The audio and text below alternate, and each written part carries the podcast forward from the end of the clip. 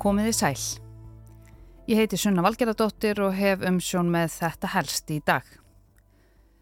Læðirnar verðast koma á færibandi þessa dagana það gustar um okkur reglulega og sum meira en önnur reyndar. Eitt dæmi um ítrekkaðan gust er Íslenska óperan sem hefur komist í sviðsljósið nokkrum sinnum undan farið ár, tölverst oftar en forsvarsfólk hennar hefði líklega kosið eða vegna annara mála en það hefði kosið, skulum við segja.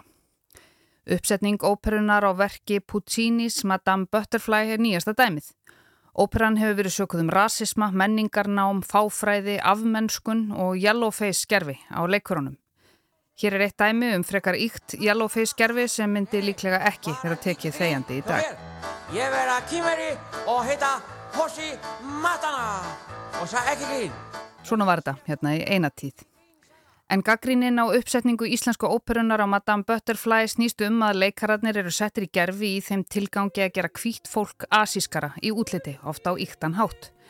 Engverir byrtu líka myndir af sér á samfélagsmiðlum eftir frumsýninguna sem má tólka sem rasískar, þetta voru þá leikarar í gerfum eftir uppsetninguna og sömulegðis hefur verið bent á að það er notast við kínversku en ekki japansku í einhverjum tilvikum í leikmyndinni.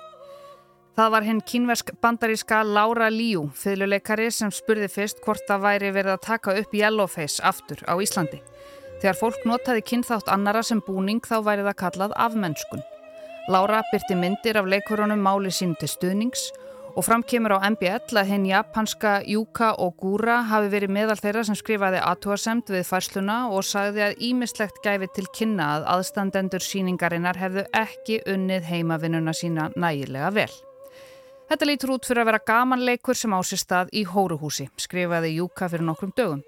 Og síðan hefur verið mótmælt við hörpu, harðorðar fæslur hafa verið skrifaðar á samfélagsmiðlum og Steinun Birna Ragnarstóttir óperustjóri hefur vísað öllum rasisma ásökunum og bug og hefur sagt að það hafi verið faglegt mat ráðgjafa af asískum ættum að uppsetningin hafi ekki verið rasísk og ekki misbjóðandi. En tónlistarkonan Laufey er þessu reyndar ósamála og því er sendiherra Japan á Íslandi líka. Laufey er af asískum uppruna og sendiherran er eðlið málsins samkvæmt japanskur. Laufey sagði að þau sem verja óperuna þetta veru allt Íslandingar sem hafa ekki upplifað það að vera útlendingur á Íslandi. Og þá tekur hún líka fram að hún sem hálf kynversk kona verði fyrir því að fólk tógi auðu sín upp og pýri þau og kalli hana Ching Chong og geri grín að kynverska nafninennar. Hún hafi móðgast af uppsetningu óperunar. Suzuki Ryotaro sendi herra segist stiðja umæli lauvegar heilsugar, þetta er allt saman á Twitter, og undirstrykar að Madame Butterfly eigi að gerast í Japan En í þessari ítla rannsökuðu uppsetningu hlítur Pinkerton að hafa lendi í einhverjum hliðstæðum heimi. Þetta er ekki einungis virðingarleysi gagvart kínverjum, heldur gagvart öllum Asjubúum yfir höfuð, týsti sendiherran.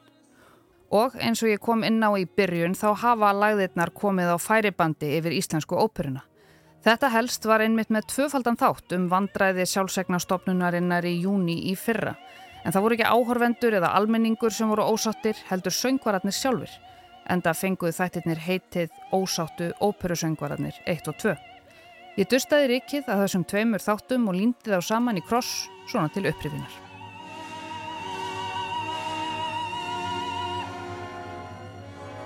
Það hefur gustað hressilega um íslensku óperuna undanfarin misseri vegna stjórnunarháta þeirra sem það ráða og vangreitra launa til söngvara.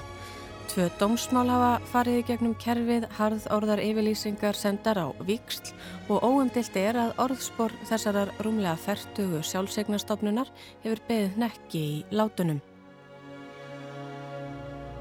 Þóra Einarstóttir, óperusöngkona, stemdi íslensku óperunni fyrir brot á samningum við æfingar og uppfærslu óperunar Brúðkaup Fígarós.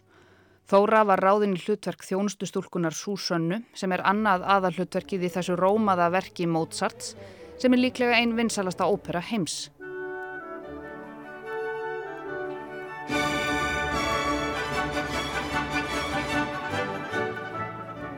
Uppsetning íslensku óperunar var í höndum hátt í 20 íslenskra klassískra söngvara, aukþóru, sem margir hafa einnig leitað til stjættarfélaga vegna þess sem þeir telja vera samningsbrott af hálfu íslensku óperunar.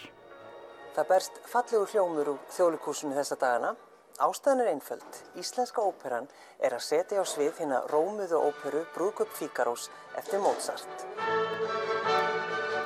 Fíkaró er bara eina af þessum fullkomna óperum.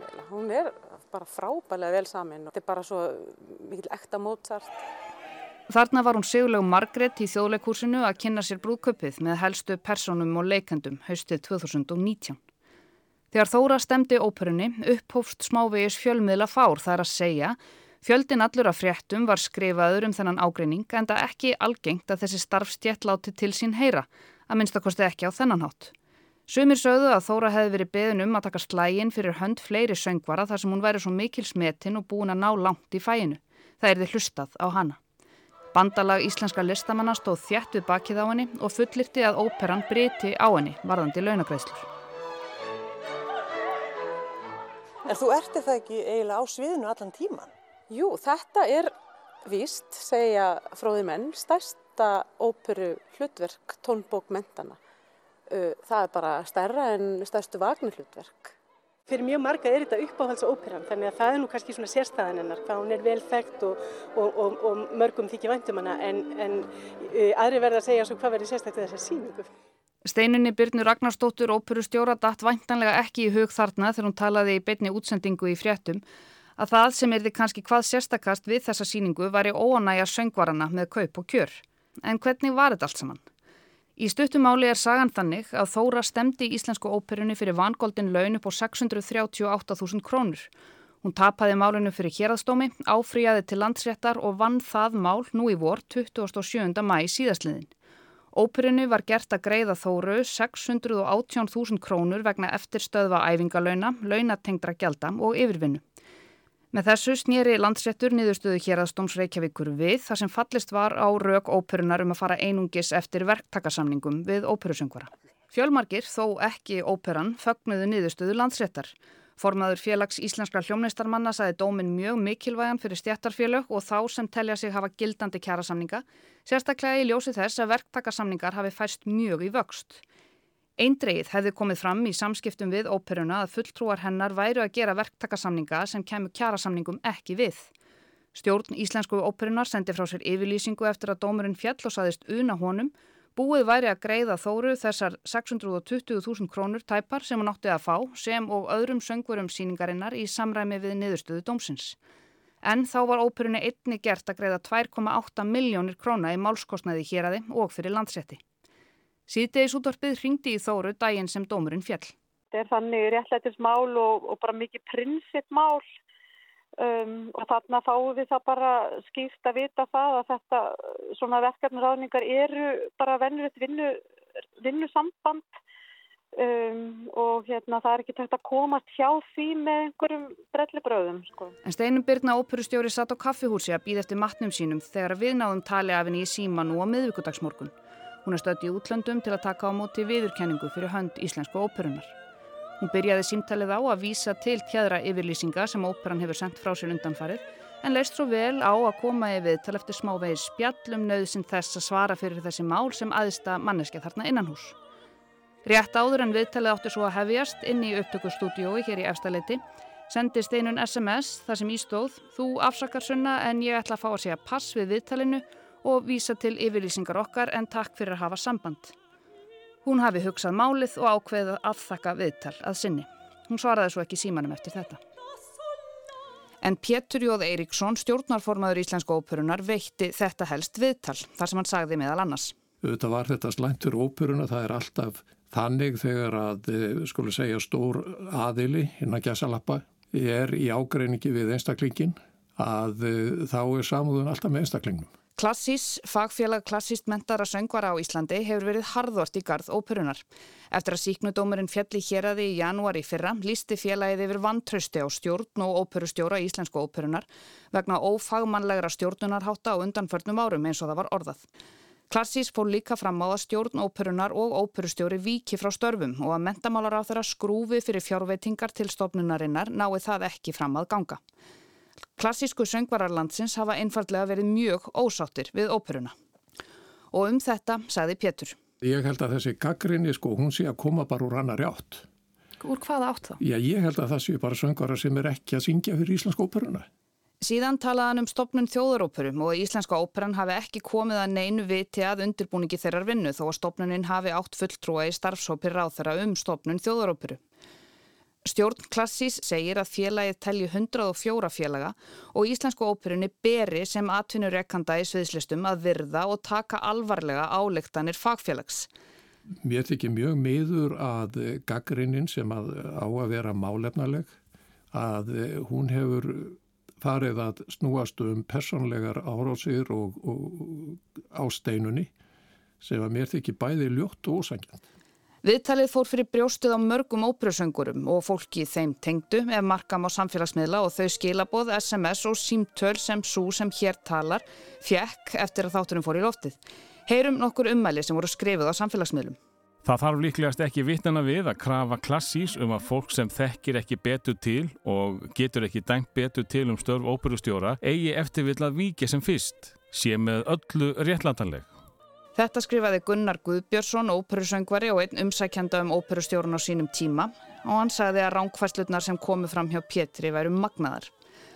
Óperusöngkonan Elisabeth Vóge skrifaði Heldur er þetta nú daburt svo ekki sé meira sagt.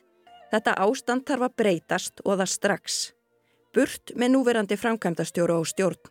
Sigriður Aðalsteinsdóttir söngkona skrifaði. Það er algjörlega ólíðandi hvernig talað er niður á söngvara sem brotið var á hjá I.O. Stjórnarformaður átti að sjá sóma sinn í að byggja söngvara afsökunar á þessum kjarasamningsbrotum sem eru því miður ekki einstæmi. Kanski mun stopnunin reyna að vanda sig framvegis og kynna sér lámarks taksta. Skelvelegt klúður hjá stjórnanda. Ása Fanni Gerststóttir, óperusöngkona, var formaður klassís þegar félagi lísti yfir vantrösti á stjórn óperunar og óperustjóra. Hún segir vantröstið byggja á mun fleiru en kjaramálum söngvara, það nái meira segja yfir önnur fagfjölög.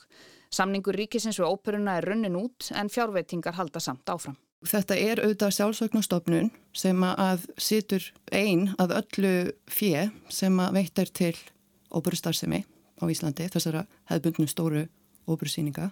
Í hvað fara þessi peningar? Það er okkar spurning. Ekki há laun allavega?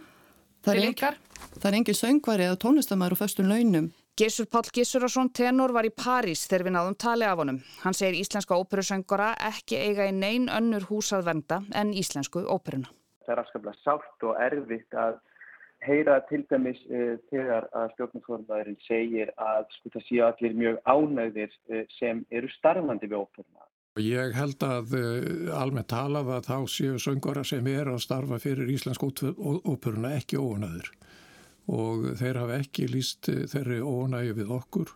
Og þá auðvitað rýpur upp sko blóðrýstingurum vegna þess að þú spyrðir einhvern sem er stilt ykkur veg, erstu ánæður eða ánæð og þá auðvitað segjum að já já ég er það til að halda áfram. Þá hefur viðkomandi nákvæmlega ekkert val. En hvað er það helst sem söngvararnir eru svona ósattur með þegar kemur á stjórnunarháttum steinunar byrnu og óperustjóra eða stjórnarinnar í heilt? Fagmentaðir óperusöngvarar vilja margir vinna hérna heima en það er bara hægara sagt en gert.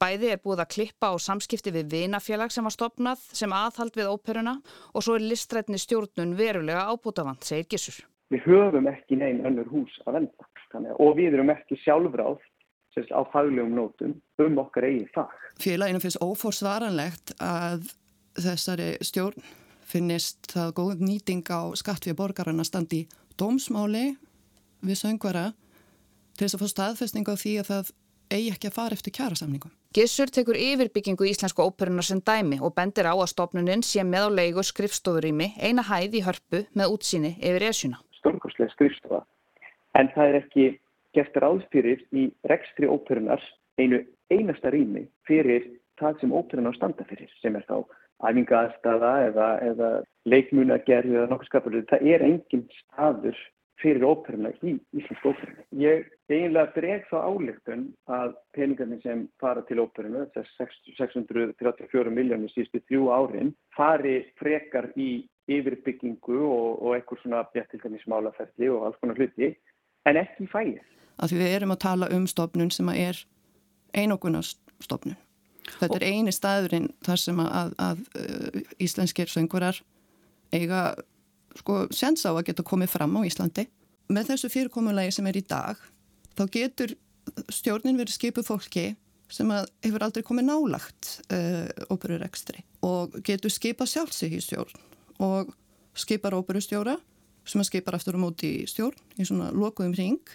Ég held að stjettin byrja þá voni brjósti að að minnstakosti þar til þjóðarópera verður stofnuð að þessi, þessi stjórnendur sem að deilur hafa staðið um axli ábyrð og segja af sér. Þetta var allt saman í júni fyrir tæpu ári síðan og nú er forsvarsfólk óperunar enn á nýji vandræðum eins og komið var inn á í byrjun þessa þáttar. Það var vissulega greipið til málamiðlana varðandi farða og gerfi í uppsetningunni á Madame Butterfly. Einhverju leikarar neituðu að bera hálkollur og hætt var við að mála skásettar augabrúnir. Spurning hvort óperusöngvarar og óperugerstir verði sátt við það. En ég heiti Suna Valgeradóttir og Íslenska óperan var helst hjá mér í dag. Takk fyrir að leggja við hlustir.